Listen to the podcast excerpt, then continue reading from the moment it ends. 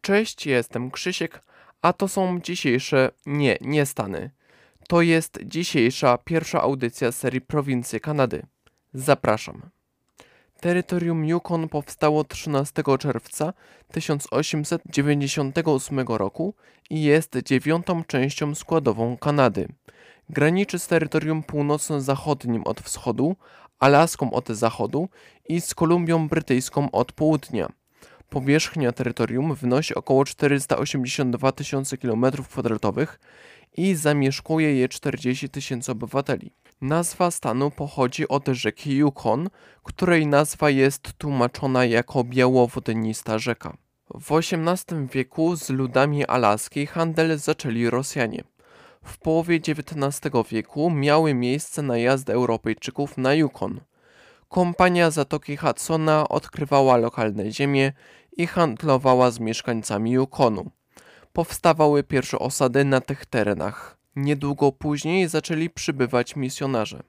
W 1870 roku Zjednoczone Królestwo oddało terytorium północno-zachodnie, do którego należały ziemie Yukon, rządowi Kanady.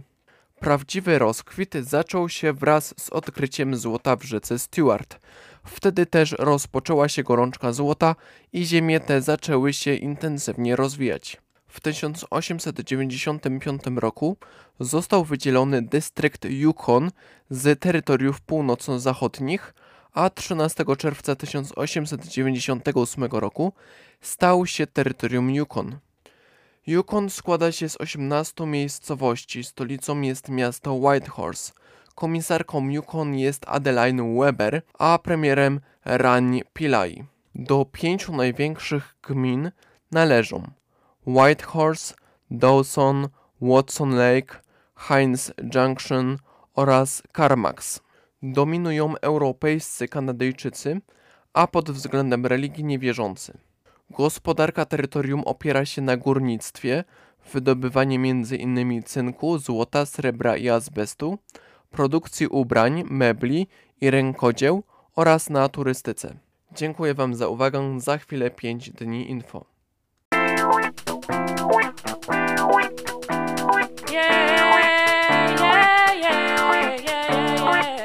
Była to audycja PAPM Podcast.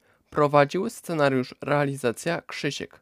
Rok produkcji i publikacji 2023.